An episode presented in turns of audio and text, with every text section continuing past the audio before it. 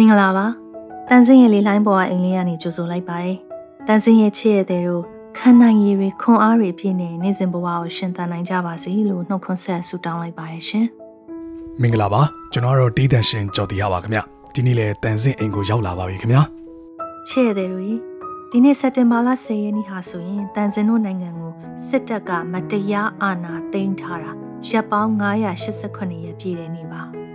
ဒီအာဏာသိမ်းမှုရဲ့ရလဒ်ကတော့ကျွန်တော်တို့ပြည်သူတွေမှာပြောမဆုံးနိုင်တဲ့ဒုက္ခတွေတောကတွေဒါတကယ်ခံစားနေရတာပါပဲစစ်အာဏာရှင်တွေဖန်တီးတဲ့ကဆူကြီးကိုရင်ဆိုင်နေရတာပေါ့ဗျာအမှန်ပဲတန်စင်တို့အားလုံးဒီထက်မကတဲ့ခက်ခဲမှုတွေကိုရင်ဆိုင်ရအောင်မယ်ဒီတော့တယောက်နဲ့တယောက်အပြန်အလှန်ကူညီရင်းနဲ့တော်လှန်ကြမယ်နိုင်ရဝန်ထမ်းရင်းနဲ့တော်လှန်ကြမယ်ကိုကိုကိုခန္ဓာရည်အားတက်အောင်လို့နီးလန်းတွေရှာဖွေရင်းနဲ့အားတင်ထားကြမယ်နော် ဟုတ်တယ်တခါတခါရင်ထဲမှာခံစားရတာတွေတအားများလာရင်အော်ပြစ်လိုက်ချင်တယ်ဗျာငိုချင်စိတ်တွေပေါက်လာလို့ရှိရင်လည်းစိတ်လွတ်လပ်လို့ငိုချပလိုက်ချင်တယ်ဒါပေမဲ့ငိုလို့ပါပြီးရင်ပြန်ယုံထားကြမယ်ရင်ထဲမှာစူးနဲ့နာကျင်နေတဲ့အနာကိုတော်လန်စိတ်ဖြစ်ပြောင်းပြီးတော့ကျွန်တော်တို့ရှေ့ဆက်ကြမယ်လေမဟုတ်ဘူးလားဟုတ်တယ်ဒါရင်မကသေးဘူးတကယ်လို့ကိုယ့်လိုပဲခံစားနေရတဲ့သူတယောက်ယောက်ကိုတွေ့ရင်လေ သူ့မကျေနပ်ချက်တွေကိုနားထောင်ပြီးမြင်နားတစုံသူ့ခံစားချက်တွေကိုဝေမျှခံစားမဲ့အယောင်တူရင်ဘတ်တစ်ခုသူ့အမောတွေခဏဖြေနိုင်မဲ့ပခုံးလေးတစ်ဖက်ဖြစ်နေပေးကြရအောင်နော်ဟုတ်တယ်ဒါတွေအားလုံးကျွန်တော်တို့တော်လန်ရေးလုပ်နေတာပဲအရေးတော်ပုံတက်တာအချင်းချင်းကူညီနေတာပဲသိမ့်မှန်တာပေါ့ဒီလိုနည်းနဲ့လဲတော်လှန်ရေးကိုအထောက်ပံ့ပေးနေတဲ့ influencer ညီမလေးတယောက်ရှိပါတယ် Hazel's Lifestyle Page ပိုင်ရှင်ညီမလေး Hazel ပါသူက တော်လှန်ရေးကာလကြီးထဲမှာဘသူ့ကိုမှမပြောရဲမငြီးရဲလို့အောင့်ထားရတဲ့ရင်ဖွင့်တန်တွေကိုနားထောင်ပေးမယ်ဆိုပြီးတော့ပြည်ရင်းပြည်ပတော်လှန်ရေးမောင်နှမတွေအတွက်အမြဲအဆင်သင့်ရှိမဲ့ပခုံးတစ်ဖက်ဆိုတဲ့အစီအစဉ်လေးတစ်ခုကိုဖန်တီးထားပါတယ်။အဲ့ဒီအစီအစဉ်တွေကိုရောက်လာတဲ့ရင်ဖွင့်တန်တွေတွေကတခုကိုတန်စင်အိမ်ကနေမျှဝေပေးဖို့ပို့ထားပါတယ်။တန်စင်ဖတ်ပြမယ်နားထောင်ကြည့်နော်။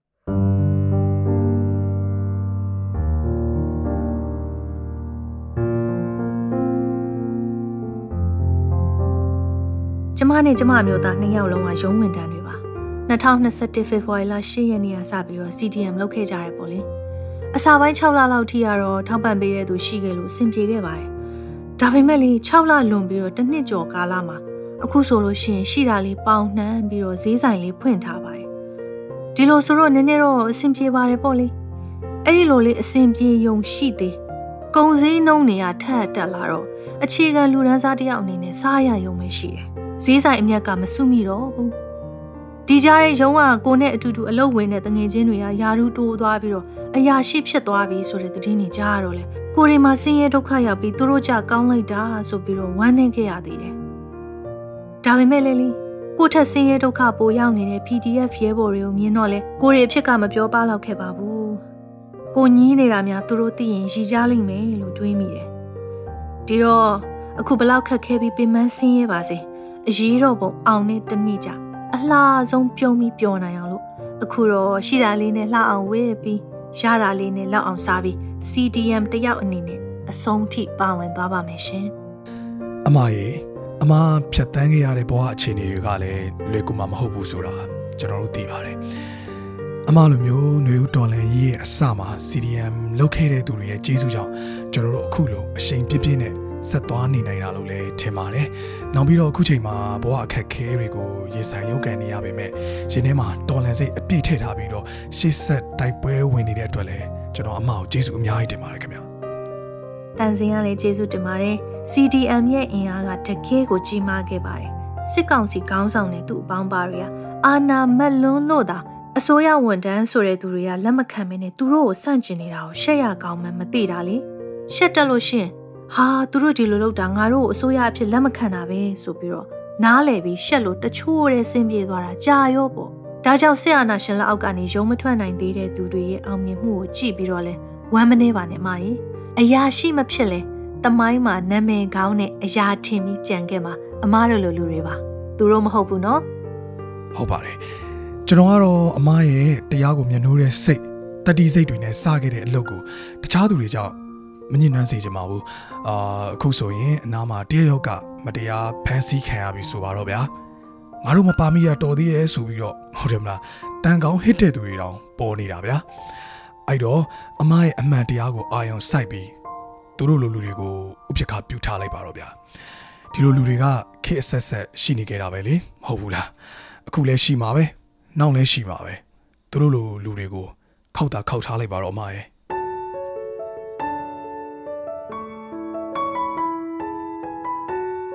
တကယ်လို့အဲ့လိုလူတွေကကိုယ့်အတွက်လုံးဝအဆုံးရှုံးမခံနိုင်တဲ့သူတွေဖြစ်နေတယ်ဆိုရင်တော့တရက်ခတ်စစ်စစ်ကြီးတွေဖြစ်တဲ့စစ်ကောင်စီအကြောင်းကိုရှင်းပြရင်းနဲ့တက်နိုင်သလောက်စီးယုံကြည့်ကြတာပေါ့သူတို့ကတော်လှန်ခြင်းစိတ်တော့ရှိတယ်ကြောက်လို့ဘယ်လိုလုပ်ရမလဲမသိဘူးဆိုရင်တော့စီးယုံရတာလွယ်ပါတယ်ကြောက်ပေမဲ့တော်လှန်လို့ရတဲ့နည်းတွေအများကြီးရလေအဲ့ဒီထဲကတနည်းကိုလက်တွေ့ကျင့်သုံးနေတဲ့မြို့ကြီးအလယ်မှာလေလိုနေပြီးတော်လှန်ရေးခရီးဆက်နေတဲ့သူတယောက်ရဲ့စကားသံလေးတွေကိုတန်ဆင်ယူခဲ့ပါတယ် မောင်လေးကြော်တီဟာဖတ်ပြတာကိုနားထောင်ရအောင်တတိပေးကြညာသာလေးဆိုတာမျက်စိနဲ့မြင်မှုမလွယ်ပေမဲ့သူတို့ရှိကြောင်းကိုတော့တိမ်ရွက်ကလေးတွေလှုပ်နေတာကိုကြည့်ပြီးသိနိုင်ပါတယ်တဲ့ကိုမတော့တိမ်ရွက်ကလေးတွေကိုတော့လှုပ်မပြရင်အောင်ကြောက်ရတာတွေငဲ့ရတာတွေရှိတာမလို့ဘာကောမှထင်ရှားအောင်မပြနိုင်ပေမဲ့စခဲ့တာတွေစထားတာတွေကို ဆက်လုံနေသေးပါလိုအပ်တာကိုလာမတောင်းပြတော့ပေမဲ့ရှားသမျှကိုရောက်အောင်ပို့နေသေးပါအိမ်မက်တွေတဲ့ချွေးရွှေနေအောင်ပြေးနေရလဲရက်တန်လို့မဖြစ်တဲ့အကြောင်းတွေပို့တိုးနေသမျှလုံနိုင်တာကိုဆက်လုံနေသေးပါအခုထိတောင်းခံသမျှကိုမညှို့ညင်ပဲနေပေးသူများကိုလည်းကျေးဇူးအထက်ထက်တင်နေသေးပါ ကြေကွဲစရာတဲ့တွေခံပြင်းစရာတည်င်းတွေတက်တိုင်းတောက်တစ်ခေါက်ခေါက်ဖြစ်ရလို့ဘာကိုဘယ်လိုလုပ်ပေးရမှန်းမသိခဲ့ရင်ဆက်သွဲလာပေးပါအားလုံးတောင်းတတဲ့အရာကိုအတူဖက်ဆုံနိုင်တဲ့တနေ့ကိုရောက်ဖို့ပေါင်းလာမယ့်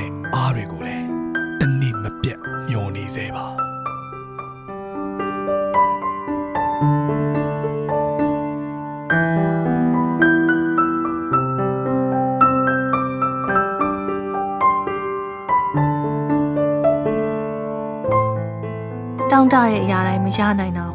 ရချင်တဲ့အရာတွေကိုရအောင်စ조사ခွင့်ရှိတဲ့အနာဂတ်ကိုတန်စင်တို့ရအောင်ပြန်ဖန်တီးယူရမယ်အခုလိုခက်ခဲလုံးလို့ရုန်းကန်နေရတဲ့အချိန်အချင်းချင်းဘယ်လိုကူညီစောင့်ရှောက်ကြမလဲဆိုတာဒေါက်တာဖြိုးတီဟာကအတန်ထွက်ဆောင်ပါဖြစ်ဖန်တီးပေးထားပါတယ်တူတူနားထောင်ကြရအောင်နော်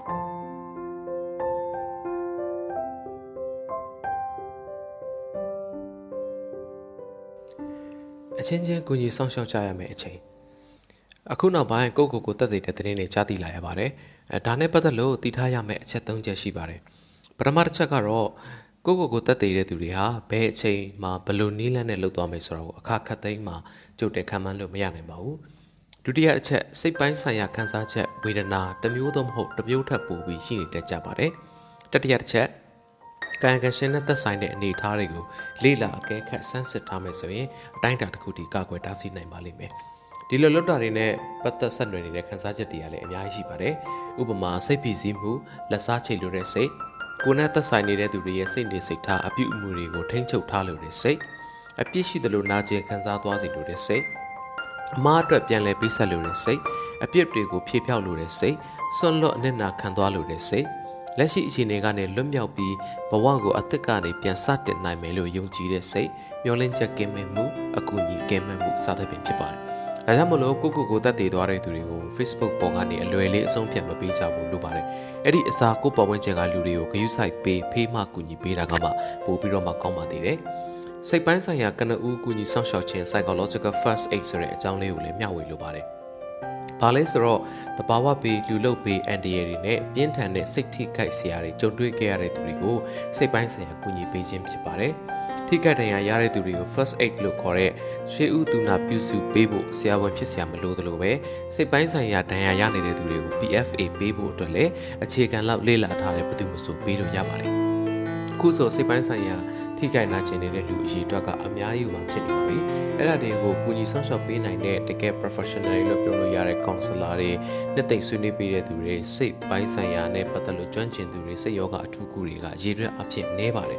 ဒါကြောင့်မလို့ပြည်သူလူထုအချင်းချင်းကြားထဲမှာဒီလိုမျိုးအာကူညီဆောင်ရှောက်မှုလုပ်ပေးဖို့ကအရေးကြီးတယ်လို့မြင်ပါတယ် အဓိကအဖြစ်တော့ဒီ PFA ဆိုတာကလူတစ်ယောက်ကိုဘေးကင်းလုံခြုံနေဆိုတဲ့ခံစားမှုစိတ်တည်ငြိမ်မှုဒီအခြေအနေကိုသူကြော်လွှားနိုင်တယ်ဆိုတဲ့ယုံကြည်မှုသူတယောက်တည်းမဟုတ်ဘူးဆိုတဲ့စိတ်ခွန်အားနဲ့ဘဝကိုရှင်သန်ဖို့မျှော်လင့်ချက်တွေရှိသွားရသွားစေဖို့ပဲဖြစ်ပါတယ်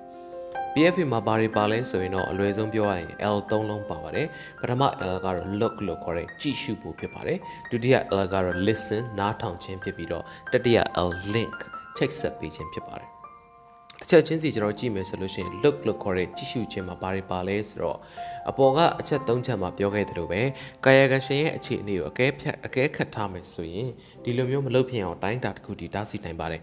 ဒီအတွက်အဲ့လိုမျိုးကိုကိုကိုတက်သေးတော့မဲ့လူတစ်ယောက်ဟာဘယ်လိုလက္ခဏာတွေရှိတတ်တယ်လဲဆိုတာသိထားစေချင်ပါတယ်အဲ့ဒီအချက်တွေကတော့ကိုကိုကိုတက်သေးဖို့အတွက်အကြောင်းတွေကိုပဲပြောနေတာတေးစေနိုင်လောက်တဲ့နီးလန်းတွေရှာဖွေနေတာ ဥပမာအိတ်ဆေးတွေပမာဝယ်လို့ရလဲလို့ကြိုးတွေရှာနေတာလို့စသဖြင့်ပေါ့တေးချင်းတရားအကြောင်းပဲတွေးနေတာဘဝနဲ့ပတ်သက်လို့မျှော်လင့်ချက်မရှိတော့တာကိုကိုကိုမုန်းတာငါသာမရှိတော့ရင်အားလုံးအတွက်ကောင်းသွားမှာဆိုတာမျိုးကိစ္စတွေကိုစီစဉ်နေတာအိမ်ကအဖေနဲ့အမေကိုဆေးဘလို့တောက်ရမယ်ဘရော့ဆိုဆေးကမ်းပြရမယ်နော်စသဖြင့်သူမရှိတော့တဲ့အခါဆက်လုံနိုင်အောင်ပြောနေတာသူအင်မတန်တန်မိုးထားတဲ့ပစ္စည်းတွေကိုသူများကိုပေးပြလိုက်တာနှုတ်ဆက်နေတာ ထူးထူးခြားခြားဖုန်းမဆက်စပူးဆက်ပြီးတော့တားเจ้าမာเจ้าနေမင်းနေတာမျိုးတခြားလူတွေနဲ့ခက်ခွာခွာနေတော့တာကိုကိုကိုဖြက်စီးတဲ့အပြုတ်မှုတွေလုပ်တာဥပမာအရက်တွေလူမန်းသူမန်းမသိအောင်တော့ပြစ်တာကျမ်းမာရေးအတွက်ပုံမှန်တောက်ရမယ့်ဆေးတွေကိုမတောက်တော့တာတအားစိတ်တက်ကြပြီးတဲ့နောက်ရုတ်တရက်ဆိုသလိုတည်ငြိမ်သွားတာအဲ့ဒါကိုလည်းလူတွေကသူအဆင်ပြေသွားပြီလို့အထင်မှားကြတယ်တကယ်တော့မဟုတ်ပါဘူးဆိုတော့ဒီအချက်တွေအပြင်ကိုကိုကိုတက်သေးဖို့ စူးစမ်းပူခြင်းဟာအရေးကြီးဆုံးအန္တရာယ်လက္ခဏာဖြစ်တာမို့အဲ့အဲ့ဒီလိုလှုပ်ထားတာမျိုးရှိမရှိလဲအခက်ခတ်ပေးပါဒုတိယအချက် listen ဆိုတဲ့နေရာမှာနားထောင်ပေးဖို့ကတော့တရားဝကမြန်ရှင်လာဖွင့်ခဲ့ရင်အချိန်ပေးပြီးနားထောင်ပေးဖို့ဖြစ်ပါတယ်အဲ့တော့သူတို့ရင်လာဖွင့်နေဆိုတာသူတို့လိုချင်တာအကြံဉာဏ်တွေမဟုတ်ဘူးမှတ်ချက်ပေးဖို့လည်းမဟုတ်ဘူးအဓိကကသူတို့ပြောသမျှကိုဘာမှချက်မှမပေးဘဲနဲ့နားထောင်ပေးဖို့ပဲအဲ့လောက်ဆိုရင်ကိုပဲရင်ဖွင့်လိုက်ရတဲ့အတွက်ဒါပေါ့သွားပြီဆိုတာမျိုး ဖြစ်သွားတတ်ကြပါတယ်အဲ့မကောင်းတဲ့လို့အဖြစ်သဘောနားထောင်ပေးနေတာမျိုးသူပြောနေတဲ့အချိန်မှာကိုကတခြားအာရုံစိုက်နေတာမျိုးလည်းမလုပ်ပါနဲ့အချိန်နဲ့ပေးပါရင်ဘတ်ကိုလည်းငားပေးပါဘာမှပြန်မပြောတတ်အားမပေးတတ်တော့မှရပါသေးတယ်နားထောင်ရင်သာအဖြစ်သဘောမဟုတ်ဘဲနဲ့နှလုံးသားနဲ့နားထောင်ပေးဖို့လိုတာပါ နောက်ဆုံးတတိယတစ်ချက် link လို့ခေါ်တဲ့ချိတ်ဆက်ပေးဖို့ကတော့စိတ်ပိုင်းဆိုင်ရာကုစားပေးနိုင်မယ့်ပညာရှင်တွေဝန်ဆောင်မှုရယူနိုင်မယ့်နေရာတွေနဲ့ချိတ်ဆက်ပေးတာငွေကြေးအခက်အခဲစေဝါအခက်အခဲစသဖြင့်လိုနေတယ်ဆိုရင်ကုညီနိုင်မဲ့သူတွေနဲ့ချိတ်ပေးတာမိဘသို့မဟုတ်မိသားစုနဲ့အဆက်အသွယ်ပြတ်နေတယ်ဆိုရင်ကုညီပြီးရှာဖွေပေးတာစသဖြင့်လုပ်လို့ရပါတယ်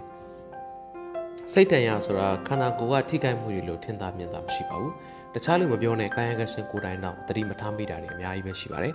ပညာရှင်အကူအညီတွေလိုအပ်တယ်လို့ပြည်သူအချင်းချင်းကလည်းကူညီပေးကြမယ်ဆိုရင်ပို့ပြီးတော့မှအဆင်ပြေပါလိမ့်မယ်စနစ်တကျလက်ကျင့်ထားရင်ပိုကောင်းတာမှန်ပေမဲ့မေတ္တာအကျဉ်းသားနဲ့ကိုချင်းစာစိတ်ကလေးရှေ့ထားပြီးတော့နားထောင်ပေးမယ်အားပေးမယ်ချိတ်ဆက်ကူညီပေးမယ်ဆိုရင်ကိုပဲတိုင်းတာတစ်ခုတည်းလုံလောက်ပါတယ်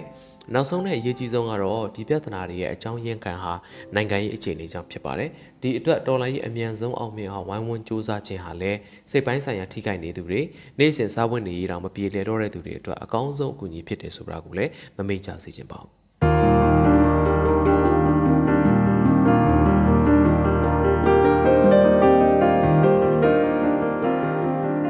ချစ်တို့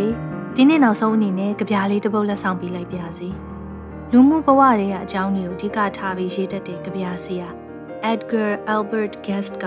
1920ပြည့်နှစ်တွေတုန်းကရေးခဲ့တဲ့ကြပြားလေးပါအခက်ခဲဆုံးအချိန်တွေဆိုတာလဲတနေ့မှာတော့မလွဲမသွေပြီးဆုံးသွားမှာပါဆိုတာကိုနူးညံ့သိမ်မွေ့စွာတတိပေးနေတဲ့ဒီကြပြားလေးကနေအင်အားတွေရကြပါစေ Don't quit Edgar Albert Guest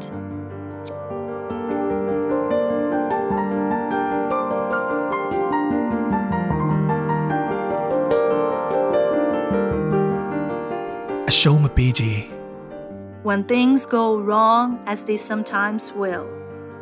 when the road you're trudging seems all uphill, when the funds are low but the debts are high, and you want to smile but you have to sigh. when care is pressing you down a bit.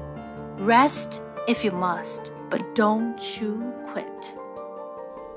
quit. တခါတရံအစင်မပြေတဲ့အချိန်ကျုံရှောက်နေတဲ့လမ်းတိုင်းဂုံတက်တွေလိုဖြစ်နေချိန်ရံမငွေမရှိသလောက်ကြွေးထူတဲ့အချိန်နောက်ပြီးပြုံးနေခြင်းပေမဲ့တပြင်းတွေပဲချနေရခြင်းဂယုဆိုင်နေရခြင်းတွေကမင်းကိုဖီစည်းလာတဲ့အချိန်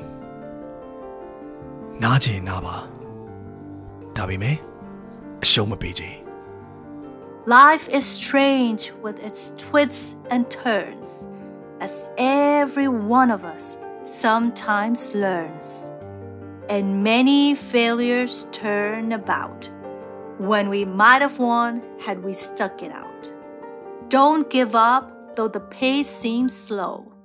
You may succeed with another blow. ဘဝဆိုတာကိုယ့်အကောက်တွေနဲ့စမ်းကြဲတယ် ငါတို့အားလုံးတစ်နေ့မှနားလည်လာတယ်ရှုံးနေမှုတွေများစွာအဆုံးထိတာစူးစမ်းမိခဲ့ရင်နိုင်ချေရှိတာပဲဆိုတာအချိန်နှေးလိုက်တာဆိုပြီးအာမလျှော်လိုက်ပါနဲ့နောက်တစ်ခွေမှာအနိုင်နဲ့တွေ့နိုင်တာပဲ Success is failure turned inside out, the silver tint of the clouds of doubt. You can never tell how close you are. It may be near when it seems so far. So stick to the fight when you're hardest hit. It's when things seem worst that you must not quit. အောင်မြင်မှုဆိုတာအရှုံးရဲ့အတွင်းသားတန်တရားတိမ်တွေရဲ့ငွေချီအနာဘလောက်နီးလာပြီလဲတော့မသိနိုင်ပါဝေးလိုက်တာလို့ထင်ရတဲ့အခိုက်အနာရောက်နေတတ်တာကဲအ ထီအနာဆုံးအချိန်မှာဆက်ပြီးတိုက်ကြမယ်အဆိုးဆုံးလို့ထင်ရကြိုက်ကအရှုံးမပေးသင့်ဆုံးအချိန်